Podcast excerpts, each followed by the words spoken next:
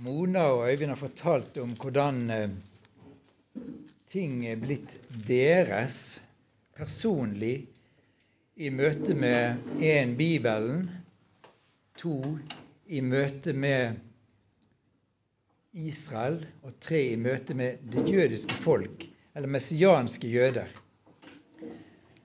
Jeg har noen erfaringer som jeg syns er veldig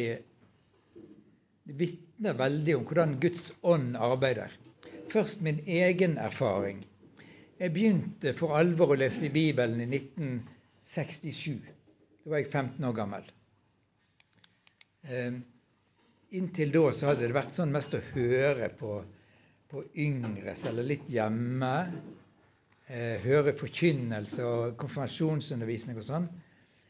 Men i 1975 så begynte jeg å, nei, hva sa jeg, 1967 så begynte jeg å lese. Og Det gjorde jeg ganske tidlig på året, tror jeg. Jeg ble veldig fascinert. Og jeg måtte bare lese og lese. Jeg hadde noen venner da som kunne Bibelen så godt. Jeg var litt skjemt. Litt flau fordi jeg kunne så lite. Så jeg måtte, jeg måtte bare lese. Så det var litt sånn, sånn egoistisk utgangspunkt at jeg òg måtte jo kunne noe. Jeg måtte vise liksom at jeg kunne noe fra Bibelen. Og så kom vi til juni 1967, og det brøt ut krig. Den israelsk-arabiske krigen. Og alle nasjonene rundt Israel var med å kjempe mot Israel. Og de var jo mange, mange flere. Svære nasjoner. Og Israel var det lille landet der. Og det var, det var kun 17 km bredt på det smaleste fra Middelhavet og inn til grensen, som da, det området som da var hørte inn under Jordan, eller som var okkupert av Jordan. Og eh, kongen i Jordan sa det at det tar oss noen timer å skjære av Israel i to. Og du hadde styrkene som kom inn fra Egypt og eh, nordover, ikke sant? Og, og, og du hadde Syria fra nord, Golanhøydene, og du hadde Libanon. Og du hadde alle arabere som bodde da i, i Israel, i Tel Aviv-området og rundt sånn. Så dette var jo militært sett på en måte helt opplagt utfallet. Og så skjer det mirakler på mirakler. Og vi kan vi sitter her, vi er kanskje enige om hva det var, og andre vil se det på en helt annen måte. Men for meg ble det iallfall sånn. Jeg satt med Bibelen foran meg, leste om Israel og Guds løfter til Israel. Og eh, det var som Altså, du kunne ha avisen i ene hånden og Bibelen i den andre, og så var det bare For meg var det sånn at det var liksom ting som falt på plass. Jeg så Gud, Gud i det. Og det var jo mange som opplevde det, at Gud var i det.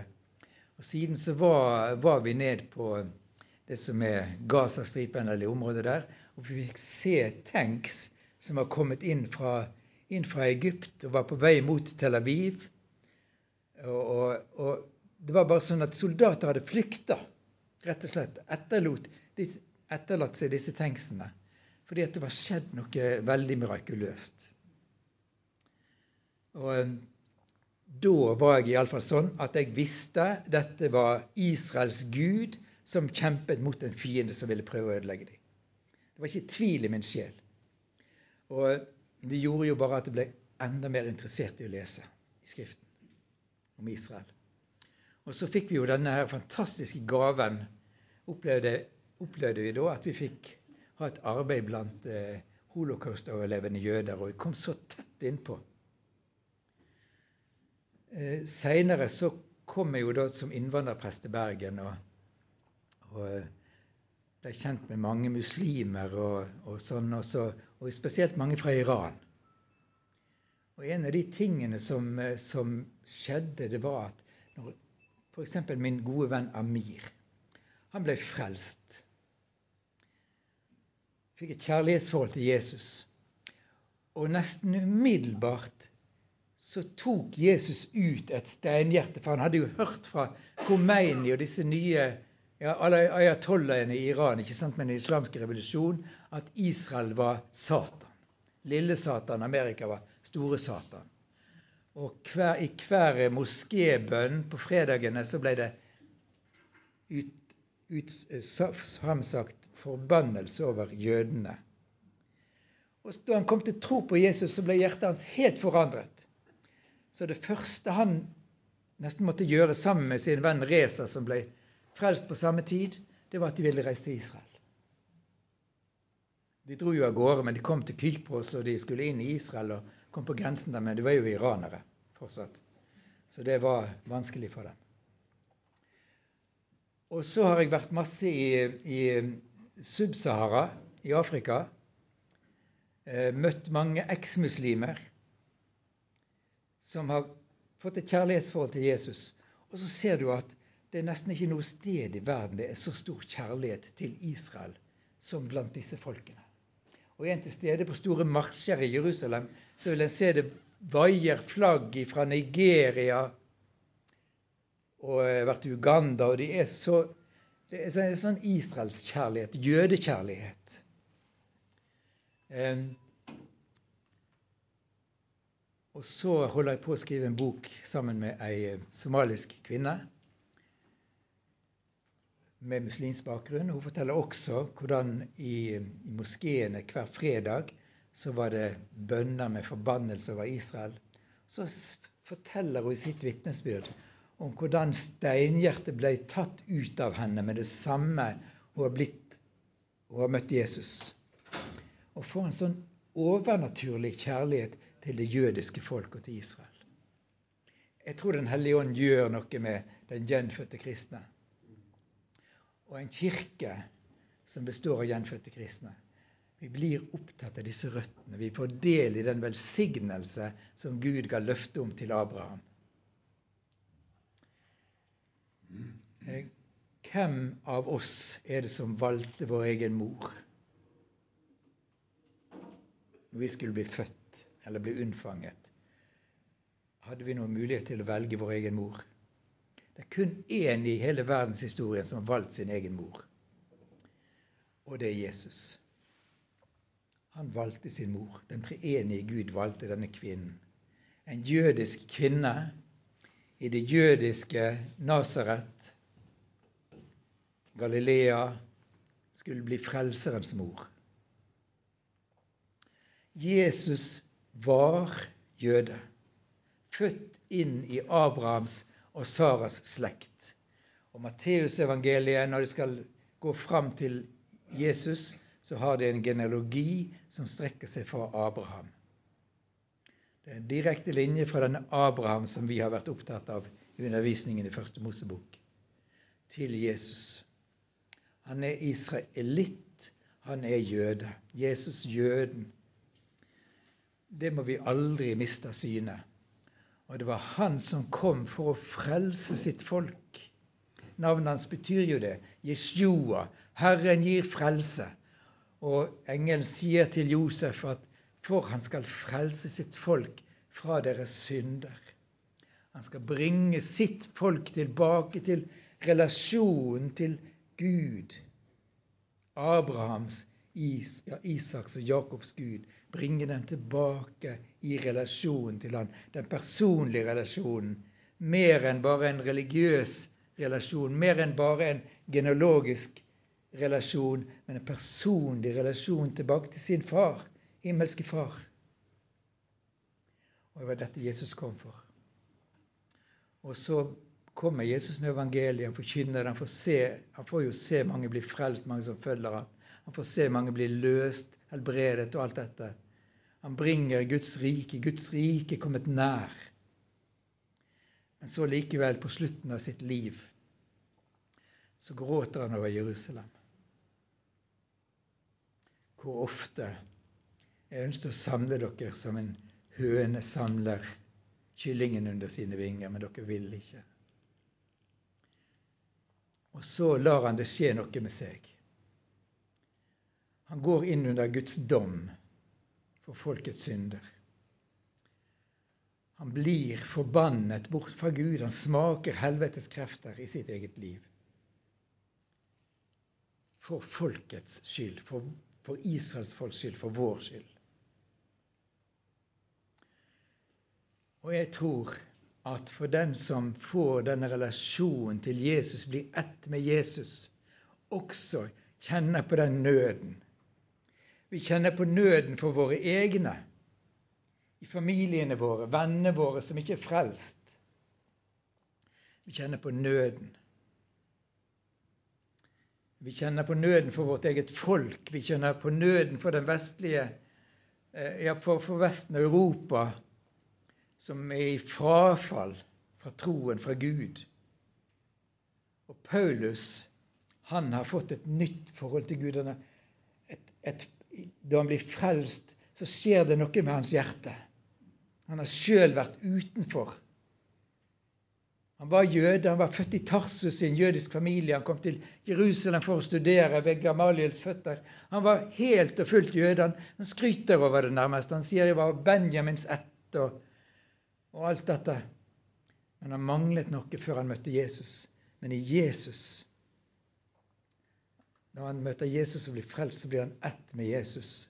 Og da skriver han noen utrolig sterke ord i rombrevet. Han skriver det at 'jeg taler sannhet i Kristus'. Jeg lyver ikke. Min egen samvittighet bekrefter Den hellige ånd. Jeg bærer stor sorg i hjertet og plages uavbrutt. Det klarer vi kanskje å ta, men så kommer det. Ja, jeg skulle gjerne være forbannet og skilt fra Kristus, om det bare kunne være til hjelp for mine søsken som er av samme folk som jeg, eller av samme gener. En enhet. De israelitter de har retten til å være Guds barn, og herligheten, paktene, loven, tempeltjenestene og løftene tilhører dem. De har fedrene, og fra dem stammer også Kristus. Tenk å ha alt dette på en måte. Det er deres, og likevel ikke ha tatt imot det. Tenk å eie alle Guds løfter. Eie all denne enorme rikdommen som Gud vil gi, og så likevel stå utenfor. Tenk å eie en evig frelse. Du kan få det, vær så god. Det er lagt til rette for deg. Det har ligget der og venta på deg nå i 2000, eller i 1000 år. Ja, 2000 år. Men de har sagt nei takk. Denne smerten er det Paulus kjenner på. Han har fått del i frelsen sjøl. Han vet hva det er. Han har gått over fra det å være utenfor til det å komme på innsiden. Fra det å være utenfor Kristus og løftene i Kristus til det å få del i dem. Så sier han altså disse sterke ordene. Sorg i hjertet, noe som plager han uavbrutt. Jeg skulle selv gjerne være forbannet bort fra Kristus. Var det bare til hjelp for mine brødre, landsmenn? Um, jeg tror vi kan forstå litt av det, for vi, kjenner på denne smerten når det er noen av våre egne som er ikke frelst.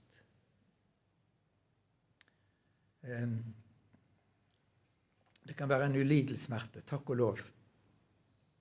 Det er bare på den måten vi kan tre fram for Guds troen og rope til Gud for dem. Og så er det jo det gode at Gud vil aldri tillate selv om, vi, selv om, Paulus kunne si dette, at jeg skulle gjerne være forbannet bort fra Kristus. At Gud aldri vil tillate det. Det er Kristus som en gang er blitt det, som har smakt det. Men han også er gjenoppstått. Ehm, men det er dette som bærer Paulus i hans tjeneste. I kapittel 10 i Rombrevet 10,1 så sier han mine søsken jeg ønsker av hjertet og ber til Gud at de må bli frelst. At de må bli frelst. Hvis vi tar nå fra begynnelsen av apostlenes gjerninger, så er det en lengsel hos disiplene til Jesus, hos apostlene. Når gjenoppretter du riket for Israel? Det var det store spørsmålet for dem. De var jøder, de ville se Israels rike gjenopprettet. Selvfølgelig. Og om jeg ikke snakker så mye om det nå, så tror jeg at dette hører med i Guds plan. Gjenopprettelse av riket. Men i apostlenes gjerninger, i vitnesbyrdene gjennom apostlenes gjerninger, så er ikke det dette landet som er i fokus. Når Den hellige ånd kommer, så står Peter og de andre apostlene fram og forkynner. Hva er det de forkynner? De forkynner frelsen i Jesus Kristus. De forkynner at han som løftene er gitt om, Jesus Messias, han er kommet. Nå er det klart. De spør hva skal vi gjøre for å bli frelst. Så svarer han på det spørsmålet. Vende om. Ta imot frelsen. Og Seinere Peter, når han skriver sitt første brev, så skriver han til disse her som er blitt eh, spredt omkring. Og, eh, I Pontus og Galatia og alle mulige steder. Og han skriver bare fokus på Jesus. Og så vet vi at um, det skjedde en um, At jødene ble fordrevet ut av Rom under keiser Claudius fra år 4041. Og de er òg spredt omkring. Og det er mange av de, helt sikkert, Paulus også møter rundt om i Romerriket. Eller de som er spredt ut fra Jerusalem etter forfølgelsen, eller jøder som har bodd der i uminnelige tider, kanskje fra Babylons tid, 587 før Kristus, da Jerusalem ble inntatt. Det er de han møter der ute. Og Paulus har en brann. Hvert sted han kommer, så går han til synagogen først. Eller jeg, ser bare for meg Paulus gikk ikke, han sprang. Han så en synagoge, han sprang dit sabbatsgudstjeneste. Han sprang dit. Eller han hørte om et bønnested de kom sammen på. Det var jøder og proselytter. Han fullfart dit. Han måtte møte dem, Er sammen med dem. Og så forkynner han Jesus, Messias. Hvert sted i synagogene så går han inn, og så får han ord, og så forkynner han Jesus. Han er opptatt av at de må få del i frelsen. Og Han sier ikke noe sted, så langt jeg har kunnet finne ut, at nå må dere se og skynde dere tilbake igjen til, til jødenes land, til Jerusalem, for nå kommer Jesus snart igjen. Det kan godt hende det lå der, det kan godt hende han snakket om det også. Men det han er opptatt av, er at de må få del i frelsen.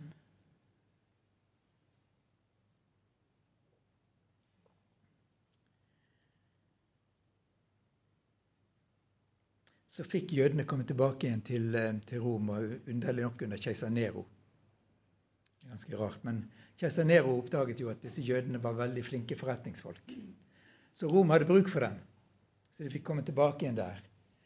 Og der er det der hadde vært blitt en menighet tidlig, for det står også i Apostelens gjerninger 2 at det var folk til stede fra Rom under pinsehøytiden. Så de har tatt imot frelsesgaven og sannsynligvis da reist tilbake inn til Rom. Det har blitt dannet en menighet av Jesus-troende og så har de delt vitnesbyrdet. De har jo opplevd dette i sitt hjerte, de også. De måtte fortelle om det. De har fortalt til ikke-jøder også om frelsen de har opplevd. Det at de har fått nå møte Gud. Verdens Gud. Israels Gud og verdens Gud. Folkeslagenes Gud.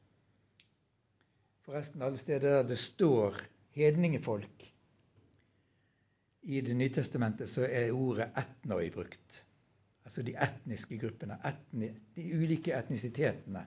Det er det hedningefolkene er. Akkurat som goyim på hebraisk. Det er, det er folkeslagene.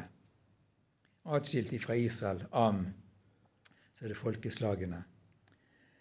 Eh, de har delt evangeliet med dem, og så er det blitt en menighet. Men så har altså Claudius, keiseren, fordrevet alle jødene.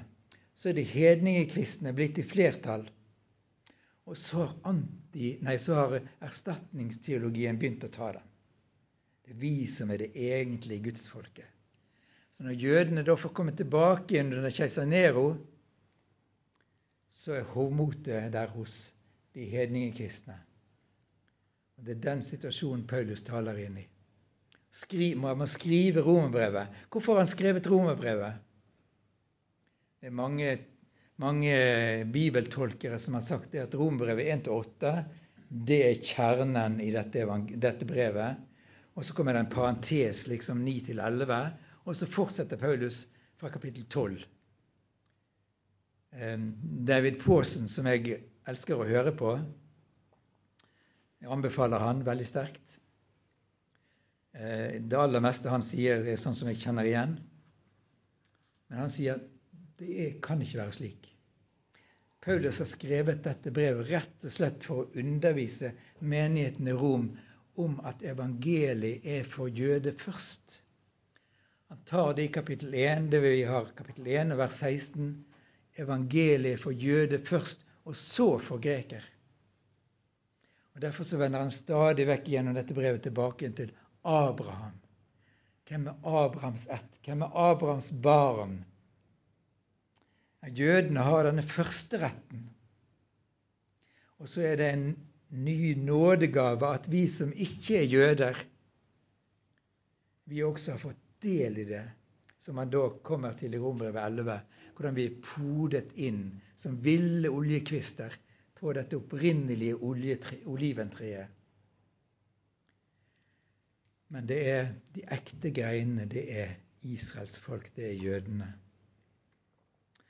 Så skriver han altså dette brevet. Nå må dere få disse tingene på rett plass. La meg være litt personlig på det. Eh, jeg har jo nå, både som innvandrerprest og i Åpne dører, så har jeg møtt eh, kjempemye mange folkeslag, folkegrupper. Men særlig, særlig, fra begynnelsen så var det sånn at, eh, at hvis jeg ble oppmerksom på at det var en jøde midt iblant alle disse ja, mengde mennesker som var der, så var det akkurat som noe som drev, drev meg. At nå må du gå og snakke med den jøden først. Det er der du må vise kjærligheten først. Det er der du må, må på en måte være en åpenbaring fra Gud for dem. Sånn at det kan være som, som Paulus skriver Det jødiske folk må, må få en misunnelse at jeg som en hedning har fått møte Israels Messias. Det er jo deres først. Og jeg ønsker, jeg ønsker å leve i dette med mitt liv.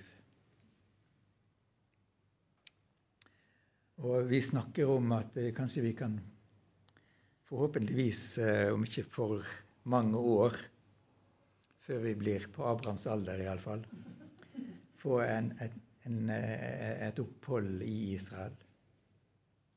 Men om det skulle være jøder andre steder i verden, så er det det samme. Få lov til å, på nytt å få prøve å lede noen jøder til tro på Jesus Kristus.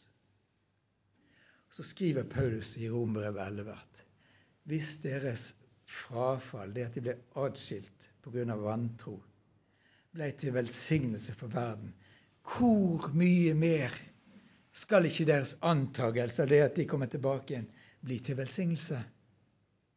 Og det merker vi den dag i dag, som dere har vært inne på også. Jeg har, en, jeg har mange gode venner i Israel. Flere gode, spesielt to veldig gode. Den ene er en arabisk Jesus-troende Smuel Aveida, som er pastor i den messianske menigheten i Haifa, Elia-menigheten. Det hadde vært veldig artig å få han opp i dag, men ok. Og den andre, som er da, hvis jeg skal ha to gode venner i Israel, så er det, så er det Andy Ball, som leder bibelbutikken i Tel Aviv. Andy Ball er da jøde. Eh, foreldrene kom fra Romania, starta denne bibelbutikken i, i Tel Aviv. Og, og Andy, han, han, er bare helt fantastisk, altså. Men når han, får, han, han møter mange jøder som kommer inn i butikken der, jøder som blir kjempeprovosert av det de ser der. Blant annet så lager han smykker med davidsstjernen og kors inni og sånn. Og det er en egen historie som jeg ikke forteller nå. Men så kan han fortelle ut fra Skriften ting som jeg ikke har oppdaget. Og han forteller det til meg, så plutselig så åpner nye avsnitt i Bibelen seg for meg. Nye ord. Som bare er så utrolig oppbyggelig.